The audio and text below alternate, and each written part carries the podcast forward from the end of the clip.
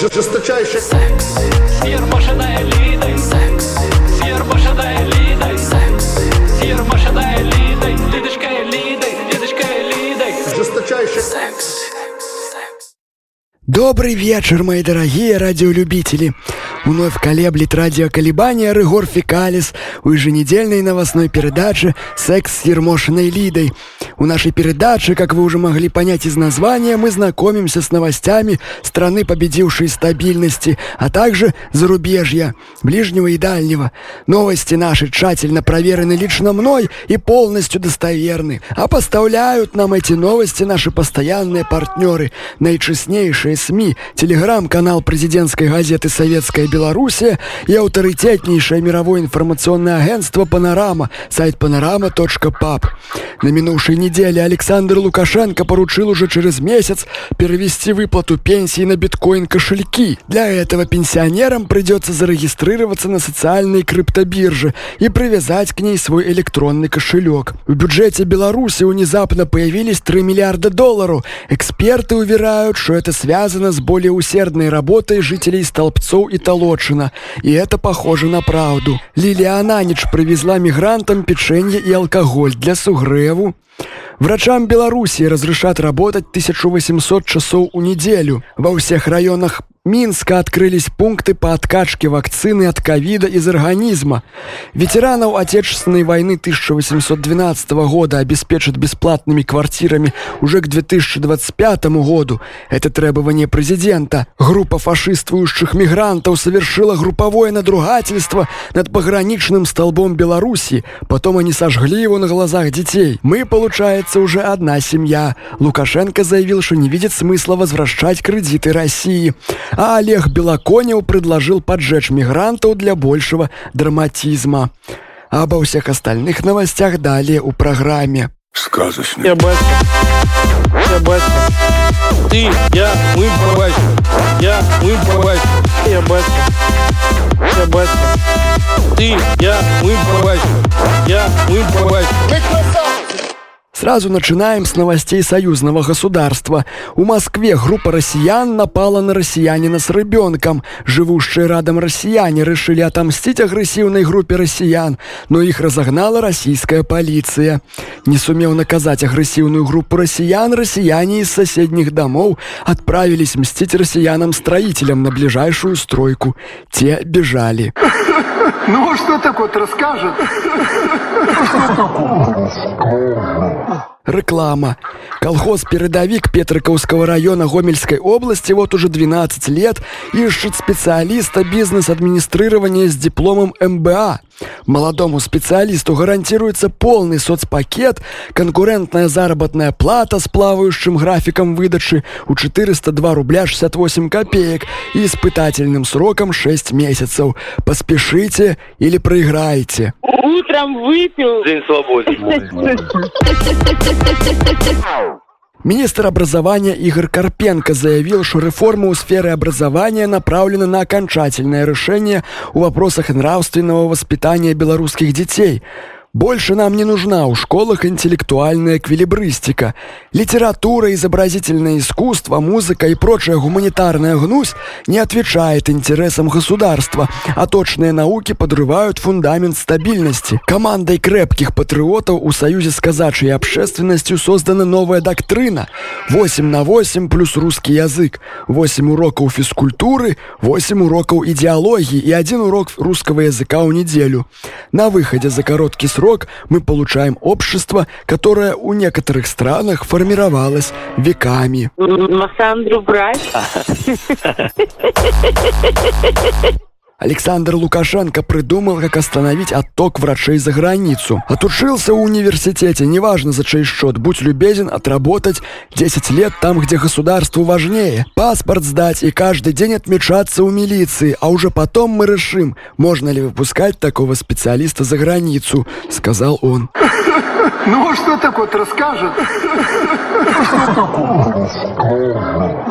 МВД Беларуси сообщило о задержании 40-летнего минчанина Константина Крамольникова, ходившего на приемы к чиновникам, будучи больным коронавирусом. По словам задержанного, он успел обойти около 20 высших должностных лиц.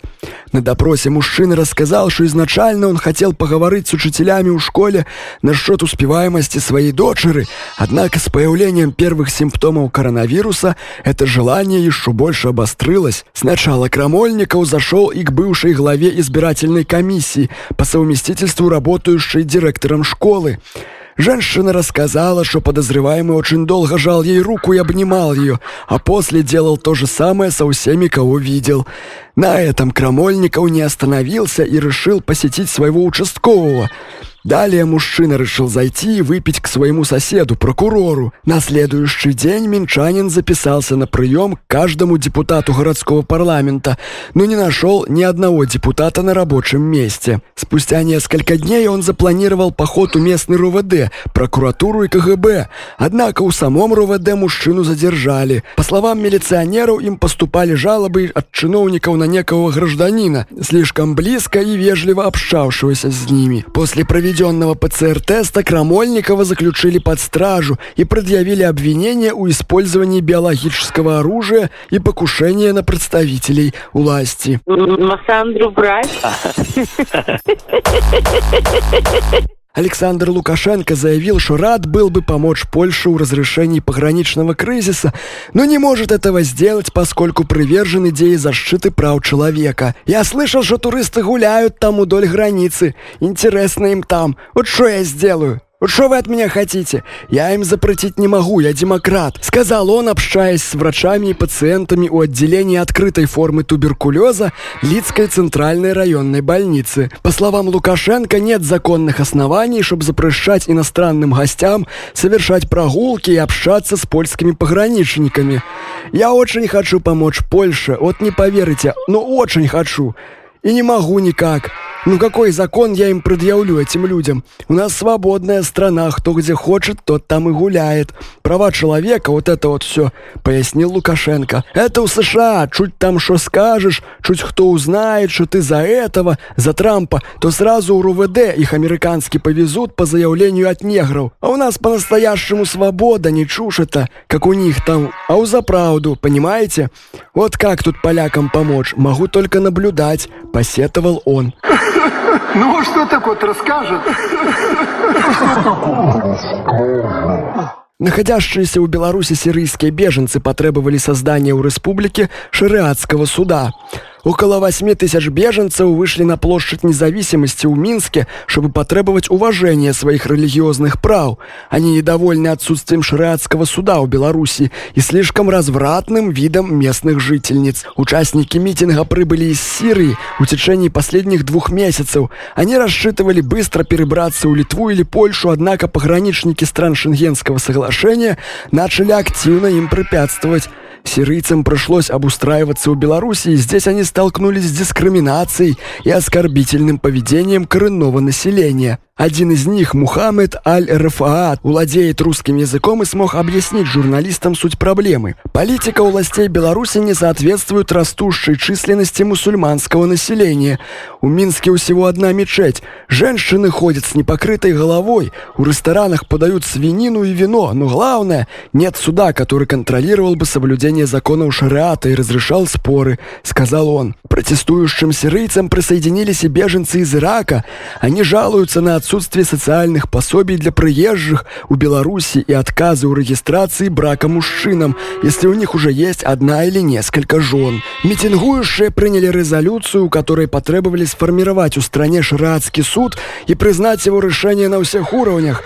Также они требуют обеспечить пребывающих беженцев жильем и запретить женщинам ходить по улицам без сопровождения мужчин. Минская милиция у происходящее не вмешивалась, предпочитая скрытно наблюдать и закон гостиницы Минск. Массандру брать?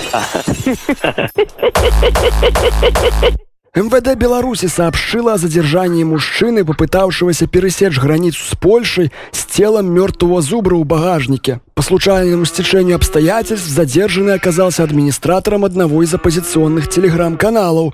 На мужчину завели в общей сложности 19 уголовных дел. На опубликованном правоохранительными органами видео оппозиционер рассказал, что спецслужбы Польши через куратора предложили предоставить мужчине карту поляка узамен на перевоз туш зубров через Беловежскую пущу. По словам мужчины, согласно договору, он должен был вывести за пределы страны 10 туш и призвать у своем телеграм-канале делать сторонников оппозиции точно так же.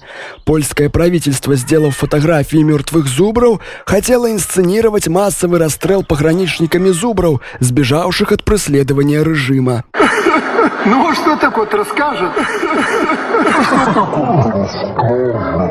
Глава авиакомпании «Беларусь Авиа» Олесь Чупры анонсировал запуск рейсов для парашютистов-любителей на территории Латвии, Польши и Германии. Стоимость туристического билета для иностранцев составит 1500 евро. У услугу уходит двухчасовой полет до точки десантирования, парашют, плащ-палатка и сухпайок для выживания у условиях дикой местности в течение недели. Услуга пользуется ажиотажным спросом у туристов из стран Ближнего Востока, в первую очередь Ирака и Афганистана. Парашютисты будут проходить трехдневный инструктаж, после чего их десантируют на территорию одной из стран Евросоюза. Обратный билету стоимость услуги не уходит, однако многие туристы утверждают, что это обстоятельство совсем их не огорчает. Я давно хотел стать парашютистом. Мой город у Ираке захватили немецкие десантники в 2001 году. Я смотрел, как они спускаются с неба на парашютах и восхищался их мужеством и отвагой. Теперь я наконец-то смогу сам десантироваться на один из городов Германии и сделать с их страной то же, что они сделали с моей, рассказывает 39-летний Али. Беларусь Авиа будет предоставлять скидки на парашютные туры многодетным семьям, ветеранам военных действий и активистам религиозных движений. Массандру брать? К новостям ближнего зарубежья. У Санкт-Петербурге 7 ноября у НИИ травматологии имени Вредена привезли мужчину в костюме революционного матроса. Как выяснила полиция, он участвовал у реконструкции штурма Зимнего дворца, и его избила смотрительница Эрмитажа. Восстановить события 104-летней давности петербургские коммунисты решили несколько месяцев назад, когда ноябрьский локдаун еще не планировался. То, что войти у здания Зимнего дворца без QR-кодов будет нельзя, они не знали. После взрыва петарды, который символизировал выстрел «Авроры», около 300 участников реконструкции бросились на штурм дворца, стреляя на ходу из страйкбольных винтовок. Однако у парадных ворот их остановила 73-летняя смотритель Мария Бочкарова и потребовала предъявить паспорта и QR-коды. Это требование было заведомо идиотизмом. В 1917 году QR-кодов еще не придумали, да и паспортов у солдат и матросов не было. Разумеется, мы не стали ничего предъявлять, заявил организатор реконструкции Александр Белышев. Один из матросов попытался силой прорваться через кордон, однако смотрительница повалила его на пол приемом самбо.